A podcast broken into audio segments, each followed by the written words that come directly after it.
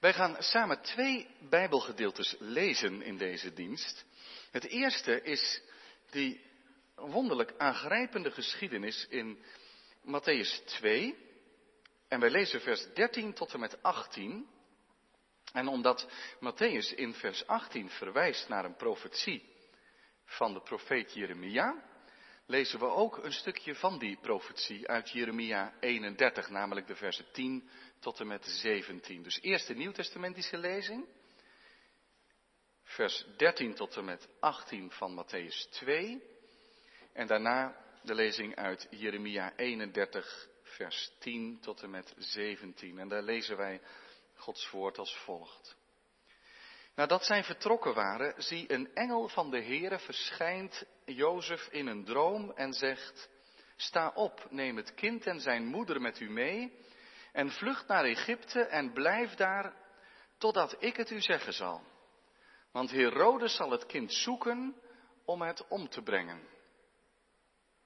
Hij stond dan op, nam het kind en zijn moeder in de nacht met zich mee en vertrok naar Egypte. En hij bleef daar tot de dood van Herodes, opdat vervuld werd wat door de Heere gesproken is door de profeet, uit Egypte heb ik mijn zoon geroepen. Toen werd Herodes, die zag dat hij door de wijze bedrogen was, verschrikkelijk kwaad. Hij stuurde er soldaten op uit en bracht al de kinderen om die er in Bethlehem en in heel dat gebied waren, van twee jaar oud en daaronder, in overeenstemming met de tijd die hij van de wijze nauwkeurig nagevraagd had. Toen is vervuld wat gesproken is door de profeet Jeremia. Een stem is in Rama gehoord, geklaag, gejammer en veel gekerm. Rachel huilde over haar kinderen en wilde niet vertroost worden, omdat zij er niet meer zijn. Tot zover de lezing uit het Nieuwe Testament. En dan lezen wij in Jeremia 31, de versen 10 tot en met 17. Hoor het woord van de Heere, heidenvolken. Verkondig het in de kustlanden van ver weg en zeg, hij die Israël verstrooid heeft, zal het weer bijeenbrengen. En het hoeden zoals een herder zijn kudde hoedt. Want de Heere heeft Jacob vrijgekocht en hem verlost uit de hand van hem die sterker was dan hij. Zij zullen komen en juichen op de hoogte van Sion. Zij zullen toestromen naar het goede van de Heere, naar het koren en naar de nieuwe wijn en naar de olie, naar de lammeren en runderen. Hun ziel zal zijn als een bevloeide hof. Ze zullen voortaan niet meer treurig zijn. Dan zullen jonge vrouwen zich verblijden in een rijdans. Ook de jonge mannen en de ouderen met elkaar. Ik zal hun rouw veranderen in vreugde. Ik zal hen troosten. Ik zal hen blij maken naar hun verdriet. Ik zal de ziel van de priesters verzadigen met overvloed. Mijn volk zal met het goede van mij verzadigd worden, spreekt de Heer. Zo zegt de Heer, er is een stem gehoord in de Rama, een rouwklacht, een zeer bitter geween. Rachel weent over haar kinderen. Zij weigert zich te laten troosten over haar kinderen, want zij zijn er niet meer. Zo zegt de Heer, bedwing uw stem van geween en uw ogen van tranen, want er is loon voor uw werk, spreekt de Heer. Ze zullen uit het land van de vijand terugkomen. En er is hoop voor uw nakomelingen, spreekt de Heer. Uw kinderen zullen terugkomen naar hun gebied.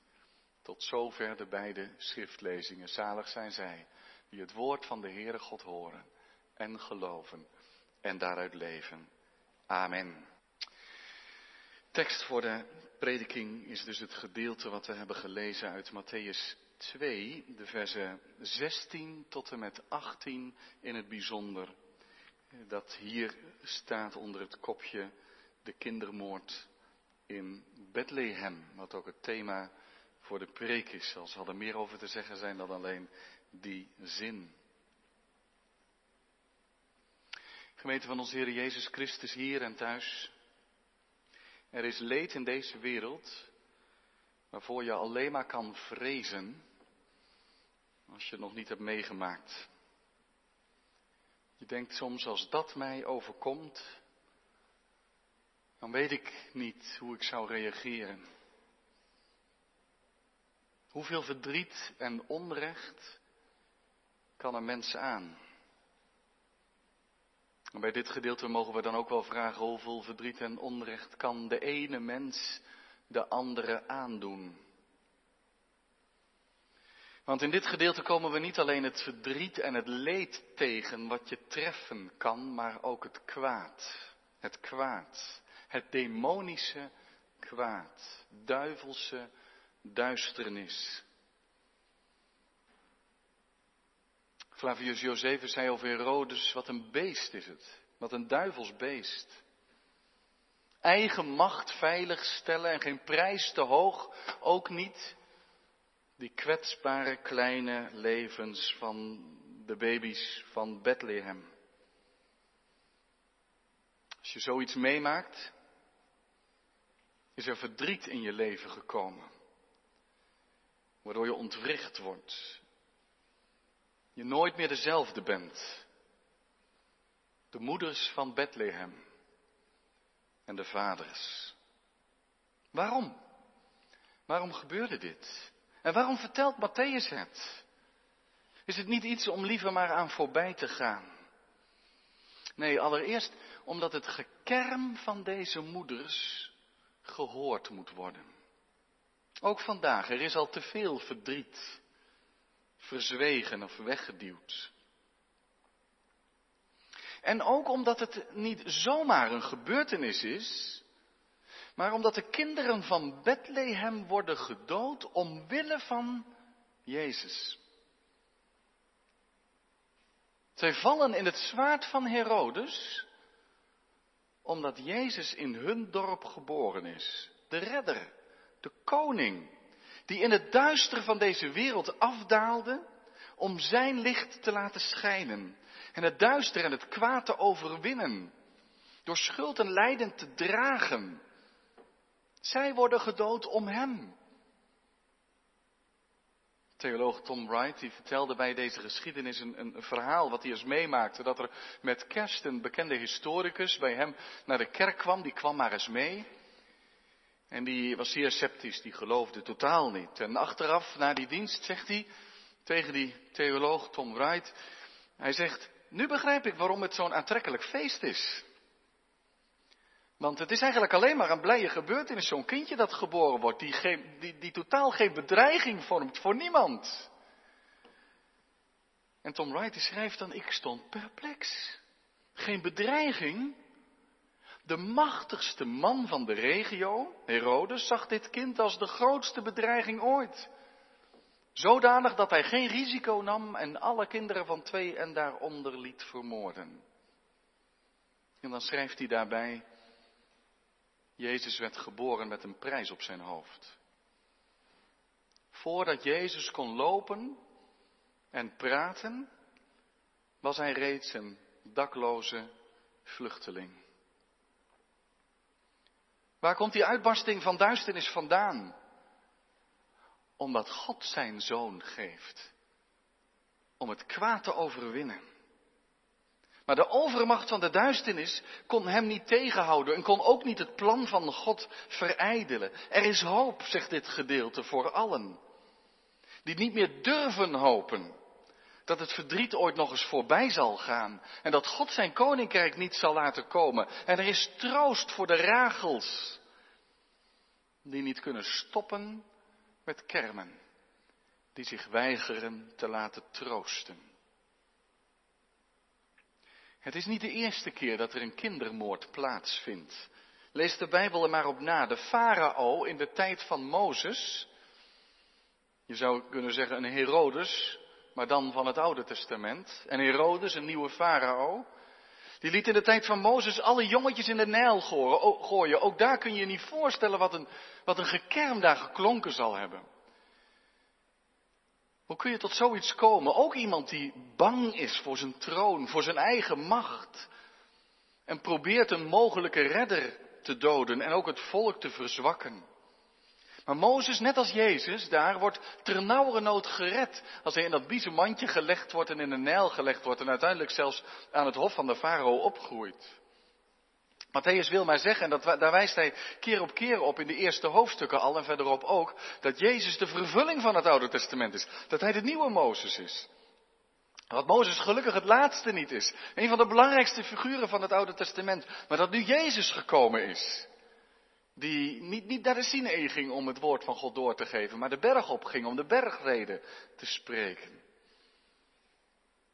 En hier net als Mozes gered werd van die duivelse macht.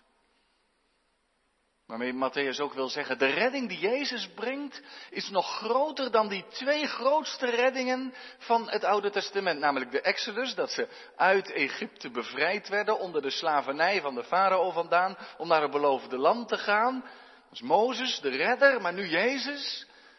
En verwijst hij via Jeremia 31 naar die andere zwarte bladzijde uit de geschiedenis van het volk Israël, namelijk de ballingschap. Waar het allemaal zo hopeloos, zo onmogelijk leek, maar dat God toch, en daar spreekt Jeremia over in Jeremia 31, dat er toch nog een nieuw begin komt.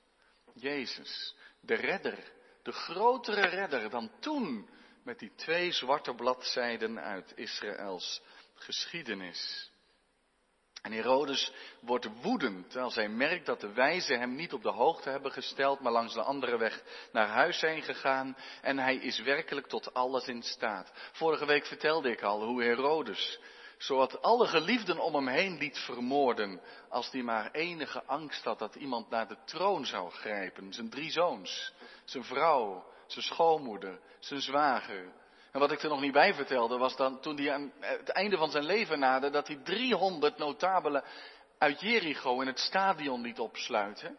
Met de opdracht, als ik sterf moet je hen allemaal opbrengen. Dan weet ik tenminste zeker dat er gerouwd wordt in Israël als ik overlijd. En toen hij overlijdt zijn ze gauw weer losgelaten. Maar zo'n man.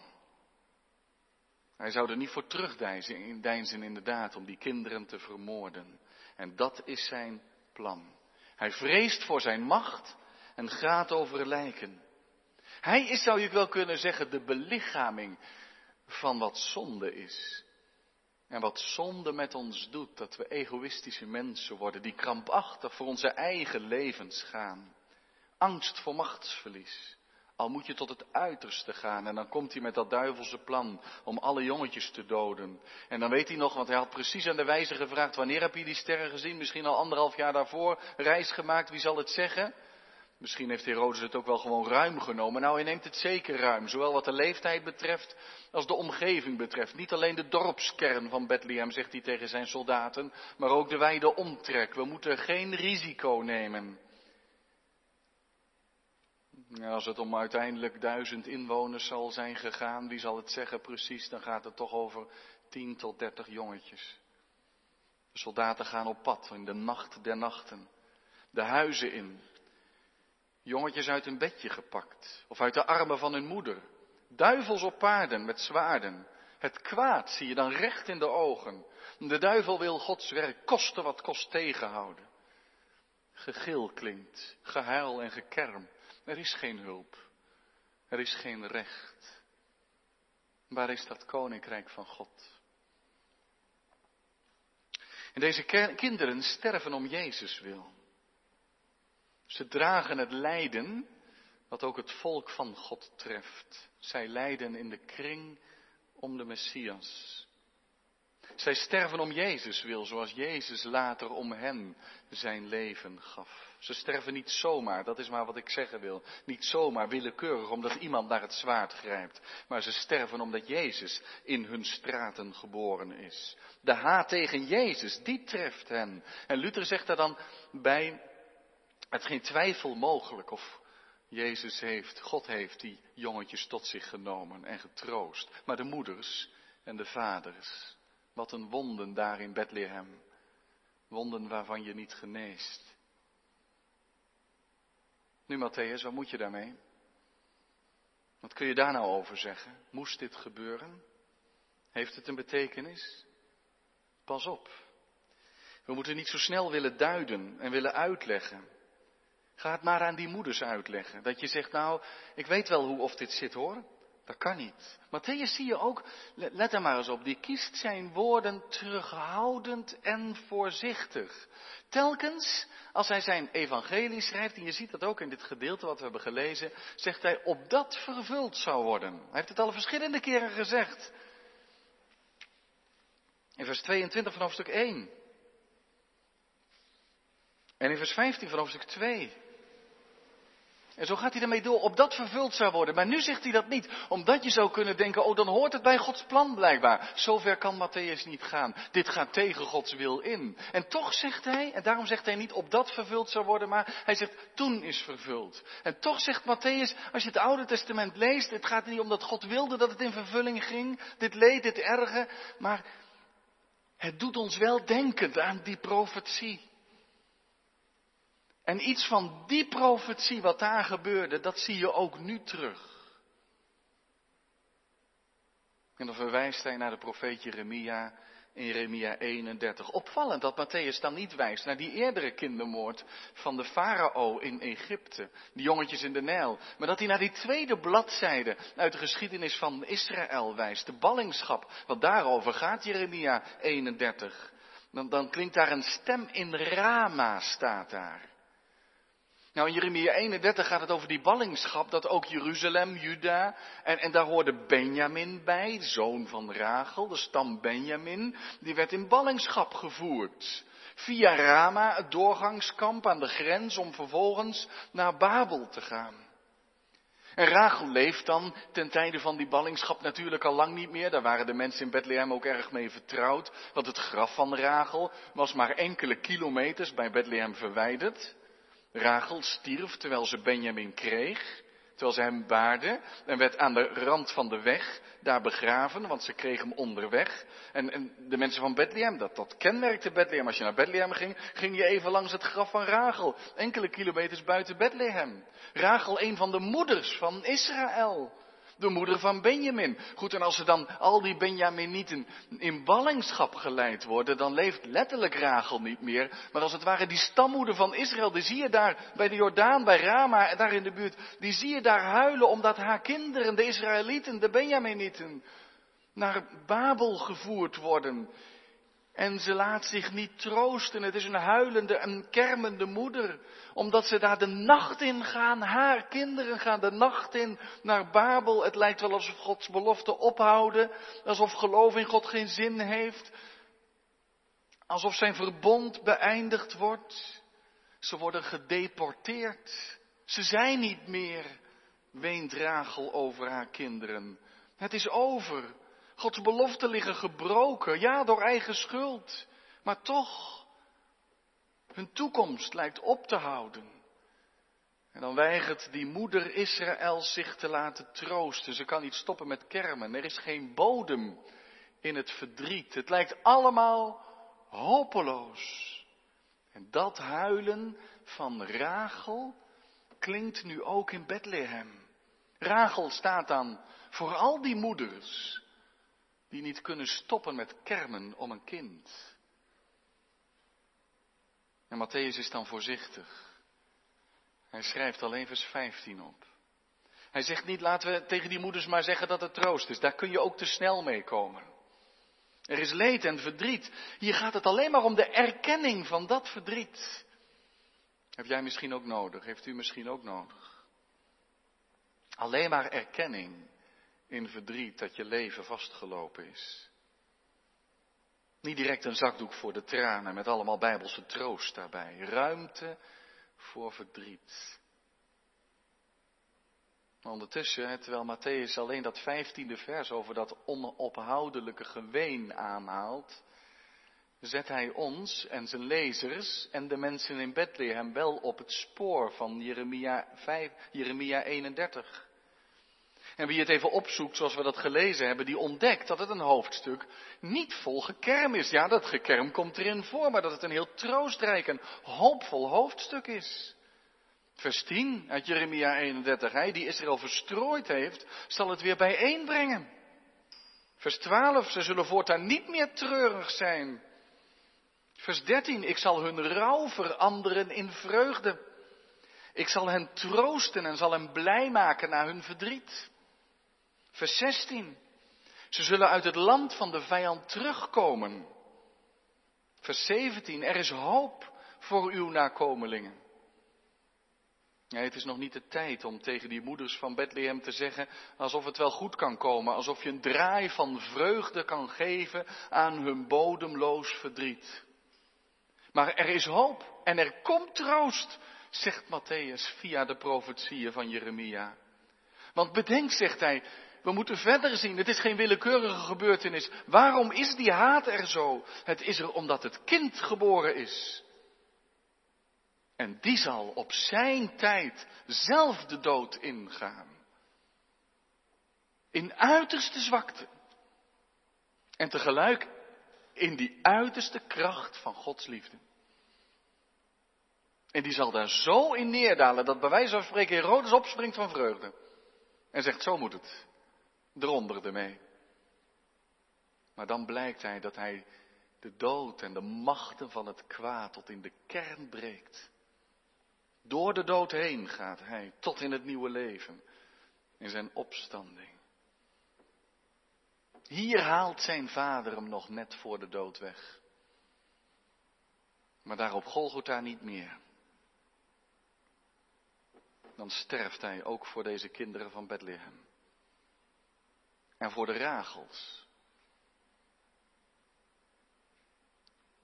En dan belooft God troost en hoop die bij hem te vinden is.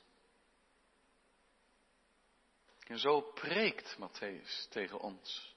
Tegen de verdrietigen het meest.